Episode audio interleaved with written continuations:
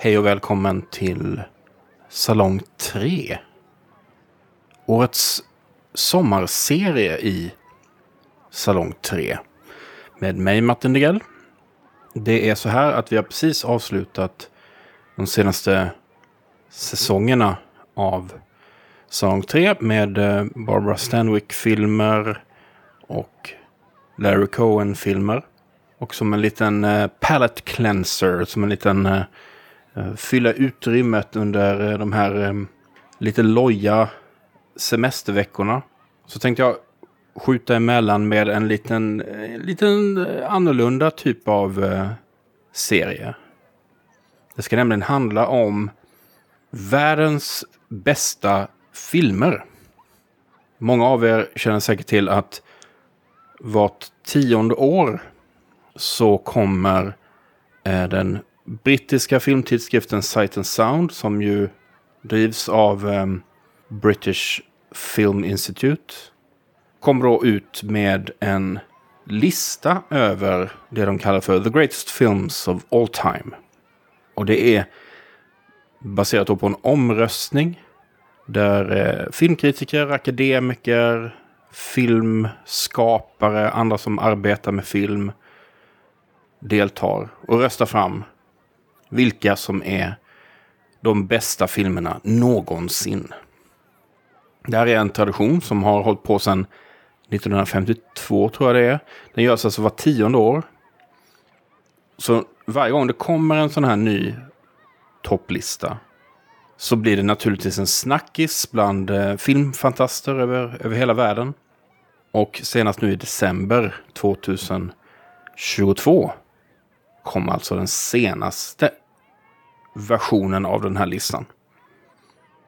Det faktum att den film som då tronade överst på den här listan, Chantal Ackermans eh, Jeanne Dillman, som då är en närmast avantgardistisk feministklassiker, en, en arthouse-klassiker, eh, nästan helt utan dess like. Att den nu puttade bort eh, Hitchcock och Ozu och Kurosawa och Bergman och så vidare från topppositionen orsakade ännu mer diskussion, kanske till och med framkallade det fradga hos, hos vissa bedömare. Att eh, underlaget till den här listan, de som då röstar fram den, är betydligt större än tidigare. Det är dessutom en mindre homogen uppsättning människor som historiskt det har varit som har röstat fram den här listan. Men det gör också att resultatet skakade om lite mer än vanligt. Man kunde se, säga det som att plötsligt eller äntligen så började andra filmtitlar, andra filmskapare från kanske andra länder än de mer traditionella leta sig in på listan.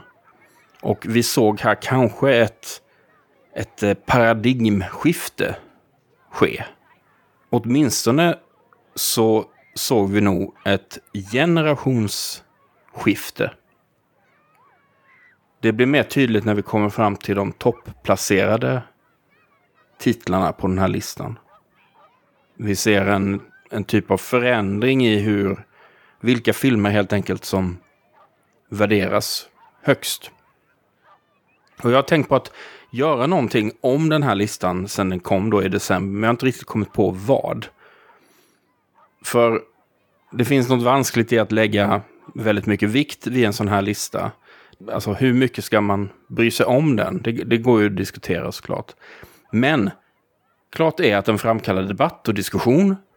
Och som filmnörd så är jag naturligtvis helt besatt av vad som finns på listan, vad som inte finns på den. Eh, samtidigt som jag har då naturligtvis den här typiska kluvenheten inför listmakeri i stort. De vanliga disclaimersarna det går inte att rangordna film. Det går inte att säga att en enskild film är bättre än någon annan. Eller att någon enskild film är, är bäst någonsin. Det är helt det är absurt. Det är en kulturskymning. Det är ett förytligande av konsten. Och ändå, när den väl kommer, eller andra listor för den delen kommer, så kan jag ändå inte slita mig ifrån dem. Jag försöker mig därför förhålla mig så sunt jag kan till dem. De är löjliga, ja. Men om de här listorna kan ge en cineast, en ung eller gammal, en nybörjare eller en veteran. Om de här listorna på något sätt kan ge de här, alla personerna som läser de listorna, ett tips eller lite inspiration, kanske att till och med tänka om lite grann kring invanda mönster, så då är ju det toppen. Så jag tänkte göra så här. Att jag går igenom hela den här listan från Sight and Sound. Från nummer 100 till nummer 1. Och så kommenterar jag lite de olika titlarna. Kanske fundera på om eh, de hade hamnat på min lista om jag hade gjort en likadan. Jag har naturligtvis sett alla hundra. Och eh, det tycker jag är eh, en självklarhet för alla som dels lyssnar på det här och som på något sätt jobbar med film eller skriver filmkritik så hoppas jag att alla har naturligtvis sett alla de här filmerna. Och eh, om man inte har det så kan man ju fråga sig vad, vad, eh, vad håller du på med? Hur kan du leva med dig själv som filmkritiker till exempel eller som eh, filmintresserad och samtidigt bara ha sett 85 av de 100 bästa filmerna någonsin. Skämt åsido, vissa av dem är fortfarande ganska svåra att få tag på. Andra är mördande långa. Och bara det är liksom ett, ett prov på ens eh, uthållighet att se vissa av dem. Men för att på något sätt vara med i den här diskussionen så tänker jag ändå att ja, det här finns ju väldigt mycket bra. Mycket som är intressant. Man behöver dock inte ha sett alla filmer för att följa med när jag kommenterar dem på mitt lite så här spontana sätt. Det är alltså en lång lista. Jag börjar från botten, jobbar mig uppåt. Och jag tar 20 filmer i taget. Så i det här avsnittet så betar jag av nummer 100 till 81. Men innan vi går på de eh, hundra översta på eh, listan. Så kanske jag ska säga någonting också om bubblarna, eller hur man nu ska uttrycka det. Alltså de som hamnade på plats 250 ner till 101. Nummer 250 till 101. För där hittar man några av de, skulle jag vilja påstå, några av de mest intressanta filmerna. Ah, hela den här listan finns ju på Brittiska Filminstitutets eh, hemsida. bfi.org.uk. De har, det ska också sägas innan jag går in på liksom vilka som ligger var. Det verkar som att vissa filmer har ju fått samma röstantal. Och så att ibland har de lite sådär Ja, på plats eh, 67 så ligger fyra filmer. Men jag har helt enkelt eh, gjort, tagit listan så som de är uppställda liksom. Som det, om det kommer någonting som är så här 14, 15, 16, 16, 18. Eller hur, eller hur det nu blir. Då, då, då jag räknar de i den ordning de står uppskrivna här helt enkelt. Men på platserna 250 till 101, då hittar vi liksom fantastiska, viktiga filmer, roliga filmer, spännande filmer. Jag bara bläddrar lite här. Jag ser Born in Flames, feministklassiker från 1983 av Lizzie Borden. Vi har Pandoras ask, Louise Brooks eh, ikoniska roll. Den såg jag på eh, Cinematek i Köpenhamn för jättemånga år sedan. På någon jättedålig kopia. Eh, vi har även ehm, eh, Preston Sturges, representerad av Sullivan's Travel såklart. Eh, det är väl så högt upp han kom skulle jag tro. Sen har vi filmer som känns som att de kommer att kanske till och med halka ur 250 nästa gång. den här listan görs. Vi, alltså A Clockwork Orange till exempel. Vi har John Fords My Darling Clementine. Men sen har vi lite skojiga saker som, eh, som jag hade jättegärna sett hög, högt på listan. Terence Davis eh, Distant Voices Still Lives från 1988. Vi har eh, Lynn Ramseys eh, Morven Callar eh, från 2001. Vi har eh, Barbara Coppels fantastiska Harlan County USA. Om ehm, en gruvstrejk i USA 1976. Kom den. Men sen hittar vi även sådana saker som Star Wars, alltså A New Hope då från 77. Den finns med här. Vi har eh, Abel Gans eh, Napoleon. Snacka om epos. Nu kommer ju Ridley Scotts Napoleon snart, har jag förstått. Den lär väl säkert vara runt tre timmar, för jag kan tänka mig att det är ju alla filmer nu för tiden. Men Abel Gans eh, Napoleon-rulle är väl så här fem, sex timmar tror jag. Och vi har även eh, Jonas Mikas As I was moving ahead occasionally I saw brief glimpses of beauty. Vi har Grave of the Fireflies. Vi har Bröderna Marks eh, Duck Soup. Argentos Suspiria. Vi har faktiskt eh, Pink Flamingos. John Waters dyker upp. Vi scrollar ner. Vi har Sen kommer liksom så här, su det är superklassiker. Nu tar jag liksom de stora, stora filmerna. Vi har Murnaus Nosferatu. Paris is Burning från 1990. Vi har Paris, Texas. Åsus, eh, En Autumn Afternoon. Och så dyker upp senare också. Himmel över Berlin, Wim Wenders. Vi har eh, Paul Thomas Andersons Magnolia. Och så vidare och så vidare. Så att på många sätt så är ju, alltså om man skummar liksom platserna 250 till 101 så är det ju liksom en fantastisk skatt av film. Så titta gärna förbi plats 100. Chinatown dyker här upp här också. Jag kan tänka mig att den låg lite högre upp i något annat tillfälle. Sjunde inseglet som ju är en sån här film, en av Bergmans filmer som jag tror nästan alltid varit med på topp 100. Den har halkat ner nu. Den är liksom ner på 136 på den här senaste omröstningen. Samma sak, The Wild Bunch, Sam Peckinpah, uh, It's a Wonderful Life, Capras, uh, Lawrence of Arabia. Allihop de är liksom bortom, bortom räddning så att säga. Till och med en sån film som Raging Bull, alltså Scorsese som ju har legat liksom väldigt högt upp på tidiga omröstningar. Den ligger liksom på plats 129 nu. Det är otroligt mycket fina filmer här. Jag ska se om jag hittar de som är lite udda det finns ett par stycken eh, filmskapare som har fått liksom en, en riktig uppsving med den här senaste omröstningen. En av dem tror jag i alla fall rent sådär, jag har inte riktigt 100% koll, men som jag tror i alla fall har fått lite uppsving, det är ju Agnes Varda. Vars eh, Vagabond från 85 finns med precis eh, under topp 100. Eh, det är inte en av mina favoriter från henne. Men eh, den vet jag har haft ett stort eh, intryck hos väldigt många. Men om vi går på plats nummer 100 då. Nummer 100. På plats nummer 100 så hittar vi C'era una volta il West. Det vill säga Once upon a time in the West eller som den hette då på svenska när den kom Harmonika en hämnare en betydligt mer eh, generisk titel som, jag, som låter mer som ungefär som en Django. Eh, ytterligare en film i, i Django, eh, någon Django-serie eller, eller något liknande.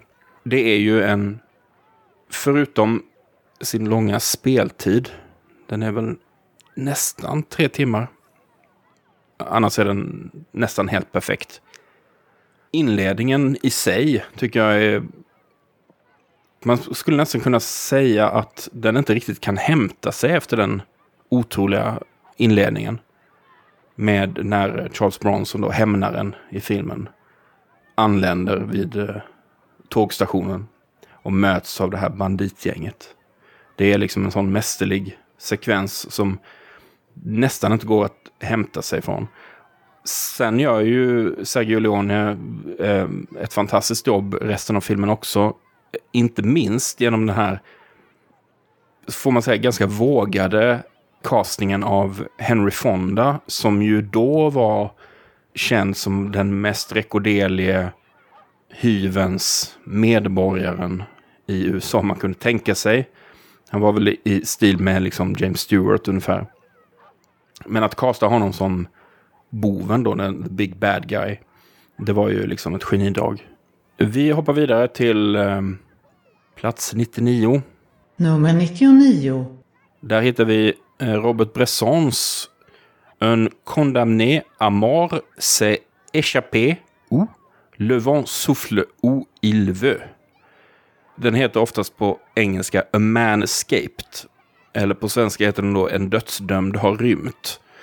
Det är en av, misstänker jag, flera Bresson-filmer på den här listan.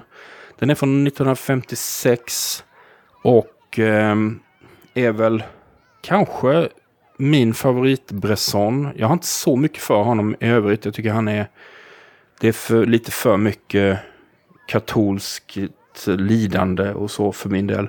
Men eh, det här är en väldigt straightforward gastkramande, spännande fängelsefilm. Eller det handlar helt enkelt om, precis som det skvallras om i titeln, så handlar det om en fängelsekund som flyr helt enkelt, som rymmer från fängelset.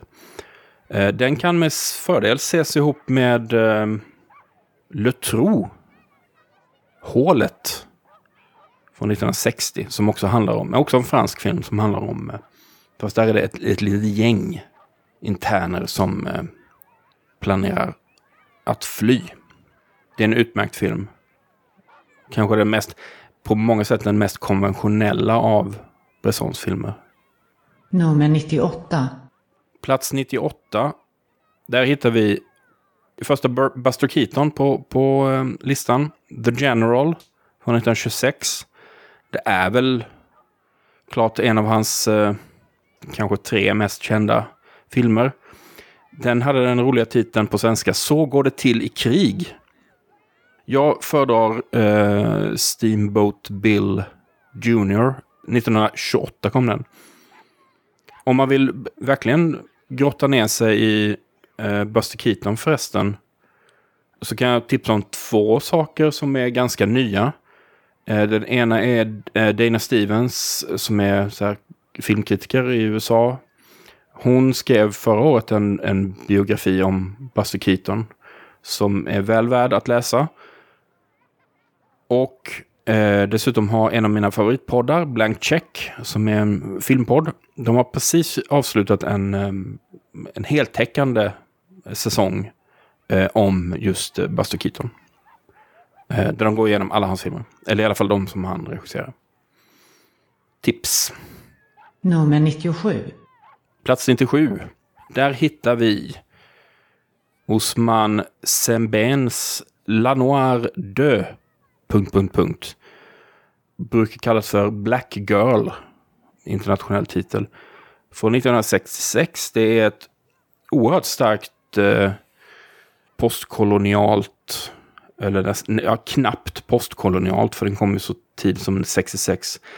Eh, en historia det är om en, om en ung kvinna från Senegal som söker ett bättre liv för sig själv och tar jobb som hembiträde i vad som verkar vara liksom en modern fransk familj i Antibes, tror jag de är, alltså i, på franska rivieran. Men hon trycks omedelbart ner och förödmjukas av sina arbetsgivare som är då ett, ett ungt par med barn. Och vad de jag tycker de får fram så väldigt fint, fint är ju kanske fel ord, men så effektivt är liksom det här hur förtrycket är systematiskt. Hur den här människosynen hos värdparet som ju till en början ser moderna ut och de är unga, de kanske har lite progressiva värderingar. Men de är, deras människosyn är lika typisk och lika vidrig som resten av samhället. Och den här vistelsen i Frankrike för den här unga kvinnan korsklipps då med tiden innan flytten. Då hon drömmer om ett, ett lyckligare liv i, i eh, Dakar. Det här var det är otroligt drabbande. Jag såg den ganska nyligen. Jag tror den finns eh, faktiskt. Man kan se den gratis på typ eh, Internet Archive. Eh, eller något sånt. Alltså googla det för jag vet att den finns. Den finns säkert på, även på sådana här Mubi och Criterion och sånt där. Men jag tror den finns bara pst, rakt utan inlogg. Några, eh, lite överallt. Så kolla upp den. Nummer 96. På plats 96 så hittar vi Tropical Malady. Som det är den internationella titeln på den här eh, Sudpralad. Tror jag den heter på, på thailändska. Den är av eh, Apichatpong Vera Setakull. Som är väl den mest eh, omhuldade av alla samtida thailändska filmskapare. Det är en ganska mystisk, tät, svårgenomtränglig, eh, experimentell film. Uppdelad i två distinkta delar. Den första är liksom ganska konventionellt berättad. Det är liksom en romans mellan två män på landsbygden i Thailand. En av dem är soldat som är utposterad där och den andra är en, en ung man från trakten. Och sen den andra delen, den går liksom så här all in på så här animism, besjälad natur, det är fabler, sagor, det är andar, det är människor. Och det är samma skådespelare som i den första, men berättat liksom som en någon sorts djungelhistoria där en människa jagar en schaman och schamanen har förmåga att iklä sig olika ljusskepnader. Och det, den liksom, den första delen som jag ändå gillar mest, den är liksom lite mer enkelt berättad. Den andra, lite svår att förstå kanske, men samtidigt så innehåller den otroligt eh, häftiga visuella uttryck som man får liksom bara, man får på något sätt acceptera att man inte förstår allting och låta det bara skölja över en. Det här, jag vet att den här var otroligt hypad då i början av eh, 2000-talet, kom 2004. Lite grann som en del av någon sorts allmän eh, asiatisk våg som kom då. Och jag vet att den har varit, och är fortfarande tror jag, ganska svår att eh, hitta. Eh, jag tror fortfarande inte att det har gjorts någon riktigt bra sån här eh, eh release. Inte ens eh, strömningssajtmässigt, men, men jag kan ha fel. Vi går vidare till Nummer 95. platserna 95 Nummer 94. och 94 kan vi nästan slå ihop dem lite grann. För 95 har vi Get Out. Jordan Peels eh, sensationsdebut kan man väl säga. Och på 94 plats så har vi Parasite, eller Parasit. Eh, Bong Joon-Hos stora succéfilm får man säga, sydkoreanska. Men jag slår ihop dem lite grann för att de sammanfattar lite grann vad jag har. Ett av mina problem med den här listan, det är att jag tycker att eh, det borde finnas en karantän kan man säga på filmer. Det borde finnas en, en buffert som säger att de här filmerna eh, som vi röstar fram, de måste vara minst tio år gamla. Så om du, gör, om du har en omröstning 2022 så får de alla senast vara, de får vara senast från eh, 2012. Varför då? Jo, för jag tror stenhårt på att ska du göra den här typen av lista som handlar om liksom the greatest films of all time. Så skänker det, tycker jag då, ett visst drag av oseriositet när du tar någonting som bara vält omkull hela din värld för två månader sedan. Eller för ett år sedan. Jag tycker att ska du sätta en, en sån här lista i pränt som säger det här är de bästa filmerna någonsin. Då måste ett konstverk kunna få leva. Det måste få växa. Det måste få liksom bevisa sin potens över åren. Och här, och här finns en väldigt tydlig så här recency bias. Parasite då från 2019. Att den naturligtvis ligger nära till hands för folk. De, ja, vad har du för favoritfilmer de senaste åren? Ja, Parasite typ. Eller Get Out då. Sen har jag kanske inte så mycket emot de här filmerna som sådana. De är helt okej. Okay. Jag tycker dock ingen av dem har på den här listan att göra. Jag tror inte ens de skulle ha det om jag hade sett det om tio år. För jag tycker de är okej, okay, men jag tycker att de...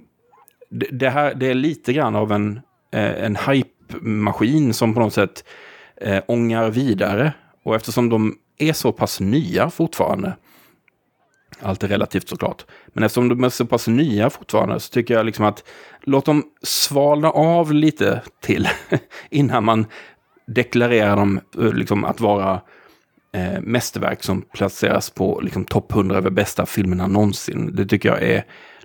Jag tycker man ska tagga ner lite på det. Nummer 93. Vi går vidare till plats nummer 93 som är Edward Yangs JJ. Hette JJ Ensam Tillsammans när den kom på svenska biografer år 2000. Vi har en ytterligare en Edward Young-film på, på listan lite längre upp. Det här är en, eh, vad ska vi kalla det här, någon sorts familjeepos. Det är ett så här, tre timmar långt familjedrama som utspelar sig i nutid i eh, Taiwan. Och jag tror att Edward Young, han dog väl inte så hemskt långt efter den här filmen kom. Så att det liksom blev inget mer från, från hans sida dessvärre.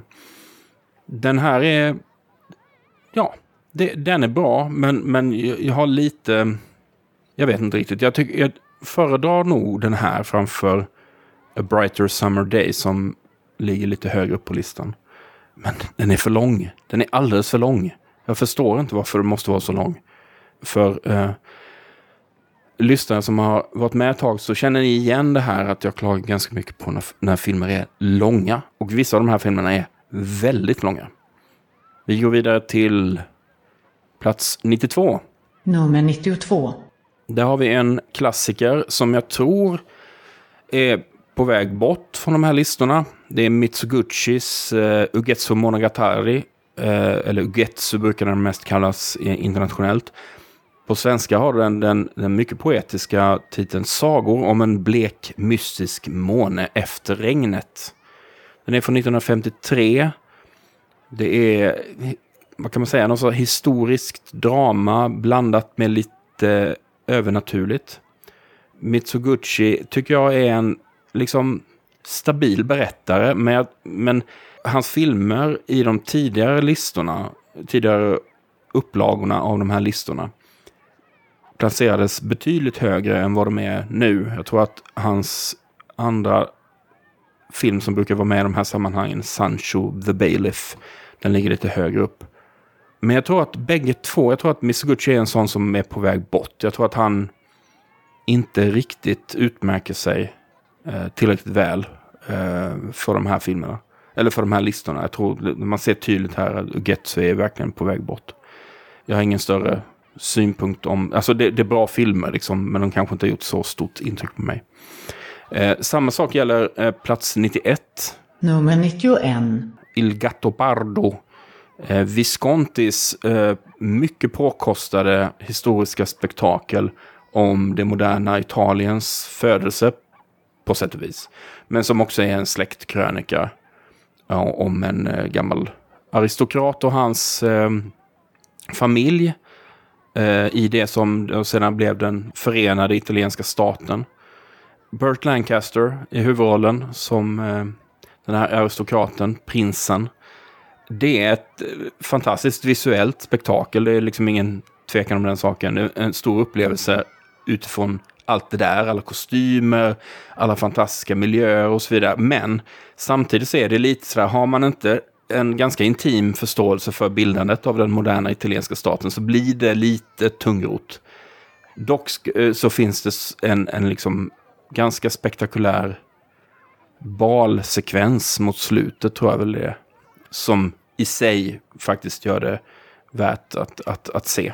Nummer 90. På plats 90, apropå extravagant kostymdrama, så har vi då eh, Madame de...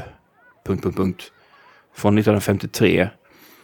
Den heter The Earrings of Madame de...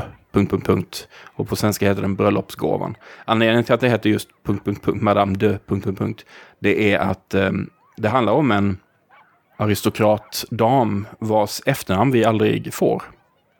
Utan det döljs hela tiden på olika sätt.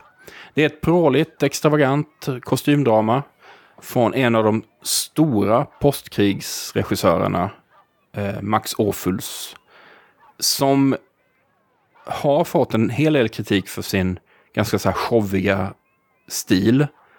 Det är lite sådär, eh, du, kan, du kan inte stava opulens utan opul. Eh, jag, jag jobbade lite med den eh, ordvitsen, fick inte riktigt till det. Men jag gillar hans filmer, men för mig blir de lite grann sådär som en stor socker, en liten bakelse sådär. Otroliga kostymer dock, fantastiskt foto. Väldigt eh, rörliga kameror och sådär. Härlig, härlig upplevelse att se. Gärna om du kan se den på så stor duk som möjligt naturligtvis. Nummer 89. Plats 89, en film som jag tror att de allra flesta har sett här, eh, som lyssnar på detta. The Shining, 1980. Finns nästan inte så mycket att säga mer om, eh, om den här Kubrick-filmen. Jag tycker jag håller den som en av hans absolut bästa. Och vi vill väldigt gärna eh, passa på att säga att eh, Duvall är fantastisk i den här och i många, många av andra filmer från, från den här tiden. Och eh, tycker man något annat så, så eh, har man fel åsikt. Nummer 88. Plats 88 har vi Von Karweis stora genombrott i väst, skulle jag säga. Chungking Express. För de som var med på den tiden så kanske ni känner till begreppet triangelfilm. Som ju var då eh, en svensk distributör av eh, bio och videofilm på 90-talet. Men det blev också lite av ett begrepp, särskilt här nere i Skåne där de var, styrde Biografspegeln bland annat. Eh, men Chungking Express för mig är en sån klassisk triangelfilm. Alltså det är nästan som ett begrepp, så här en arthouse-rulle som blev väldigt stor och, och spännande. Jag tycker väl den är okej. Okay. Jag tycker jag har några andra favoriter av Von kar eh, filmer. Jag tycker väl Happy Together är, är faktiskt den, den bättre av dem om vi ska nu prata hans mid-90s eh, utbud. Men eh, visst, den gör sig väldigt bra på den här listan tycker jag. Till skillnad från den Von kar film som faktiskt ligger på typ topp 10. Som jag då inte är så förtjust i, men det återkommer vi till. Nummer 87. På plats 87 hittar vi David Lynchs Blue Velvet från 1986. Jag har inget bra och vettigt att säga om den, förutom att det är ett mästerverk. Självklart ska den vara med på den här listan. Den borde kanske... Ja, om jag hade gjort listan så hade den hamnat mycket högre upp. Men kul att den är med. Eh, eh helt obetalbar, fantastisk, eh, liksom castingen, vändningarna, fotot, musiken, allting. Det är liksom mm, chockerande, mysigt, roligt. Allt du kan begära av en, av en Lynch-film egentligen. Nummer 86. På plats 86 hittar vi El Espiritu de la Colmena. Min spanska är inte jättebra. Uh, Spirit of the Beehive, eller Bikupans ande, från 1973. Sy ett symbolladdat uh, drama om Spaniens historia och samtid som utspelar sig under andra världskriget. Det eh, handlar om en, en ung tjej som liksom fantiserar om Frankensteins monster, stöter på en skadad soldat som gömmer sig undan fascisterna.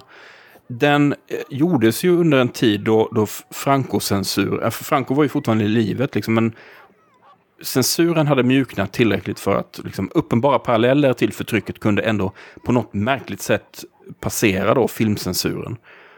Utan att liksom, det klipptes sönder och samman.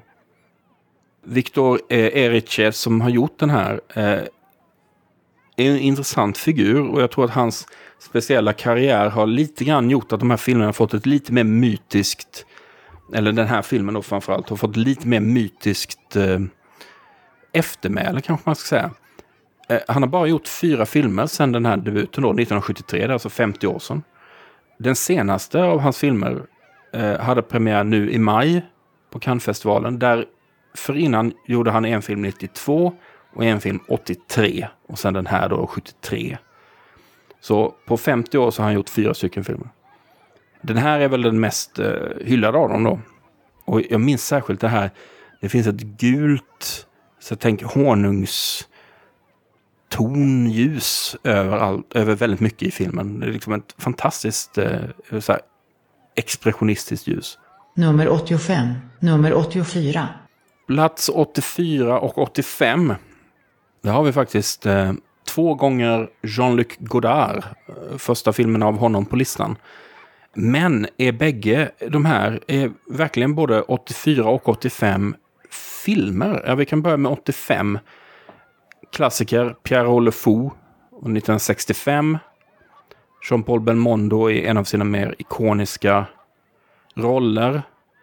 En rolig, eh, våldsam, dramatisk eh, historia. Kanske inte, alltså han gjorde så oerhört mycket film på den tiden, eh, Godard. Eh, kanske är inte detta min absoluta favorit av dem, men eh, den är undeniable, som man brukar säga. Inte minst på grund av Belmondo. Men på plats 84 då, så har vi någonting som jag tror aldrig hade passerat om det inte hade kommit från Jean-Luc Godard. Det är nämligen Histoire du cinéma. Och Histoire du cinéma, det är alltså Godards otroligt eh, subjektiva, collageaktiga dokumentation eller dokumentärserie om filmhistorien. Eh, den är ganska enerverande.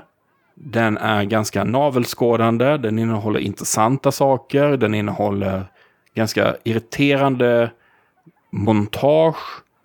Den är självgod. Men framförallt så är det inte en film, skulle jag vilja påstå. Det är en tv-serie. Eller miniserie om man så skulle vilja. Det är en dokumentär. Och den är alltså gjord från och till 1989 till 1999. Jag tror det är det sju eller åtta delar. Det är inte en film.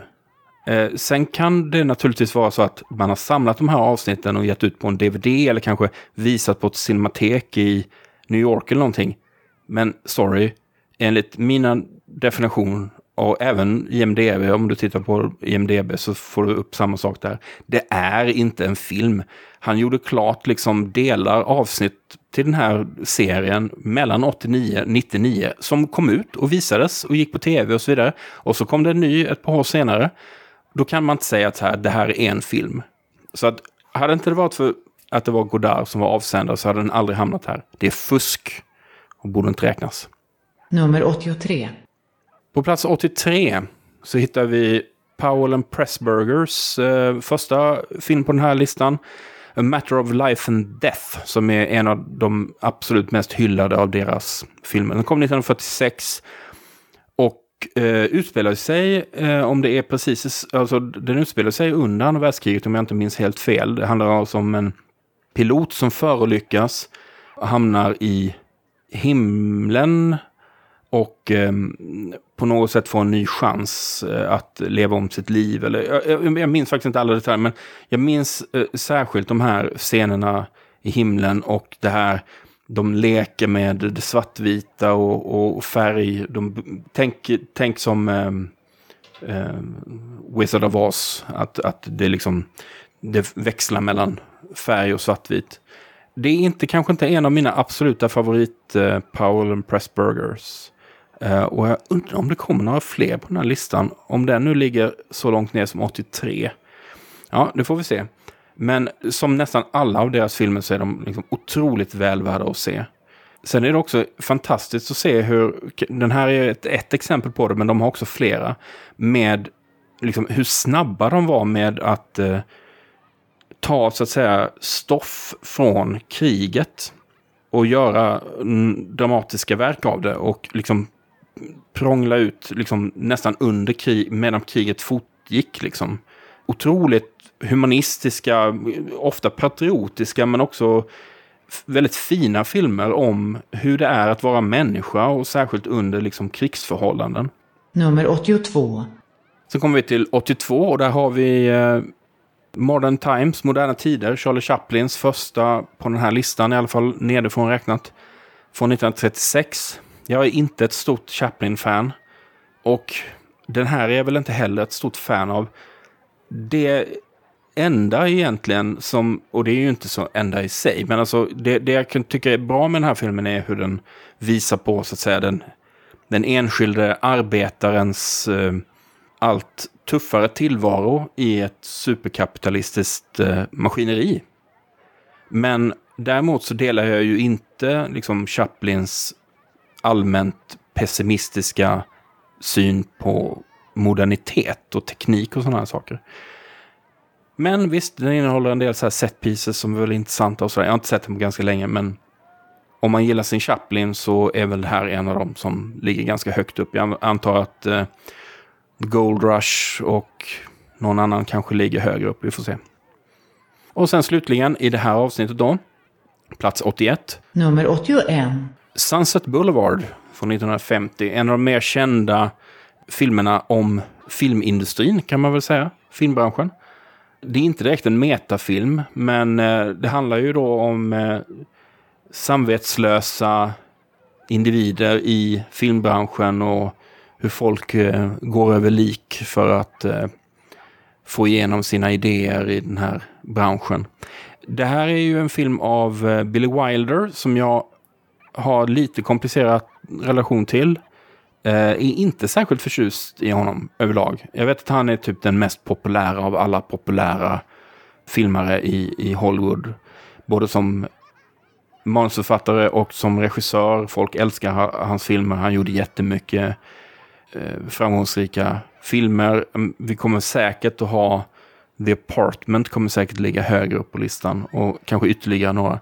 Jag är inte så jätteförtjust i hans filmer. Jag försökte liksom hitta ett sätt att formulera vad det är som jag inte riktigt klickar med, men det är någonting. Däremot en av de då få som jag faktiskt eh, helt oreserverat gillar, det är just Sunset Boulevard. Eh, den borde jag faktiskt se om, det var ganska länge sedan. Den är väldigt bra, och inte bara för att det handlar om Hollywood under eh, den gyllene eran. Men, men den, den är bra, den är liksom lagom cynisk. Den är otroligt snyggt gjord och fotad. Och, och sen är den ju extremt välspelad med William Holden och, och så vidare. Och så innehåller den ju en massa eh, liksom in-jokes för folk som kan sin eh, Hollywood-historia. Som ju redan 1950 de var väldigt angelägna om att mytologisera hela branschen och så vidare. Det här var då eh, platserna 100 till 81. I nästa avsnitt så tar jag mig an platserna 80 till 61. Vi hörs då.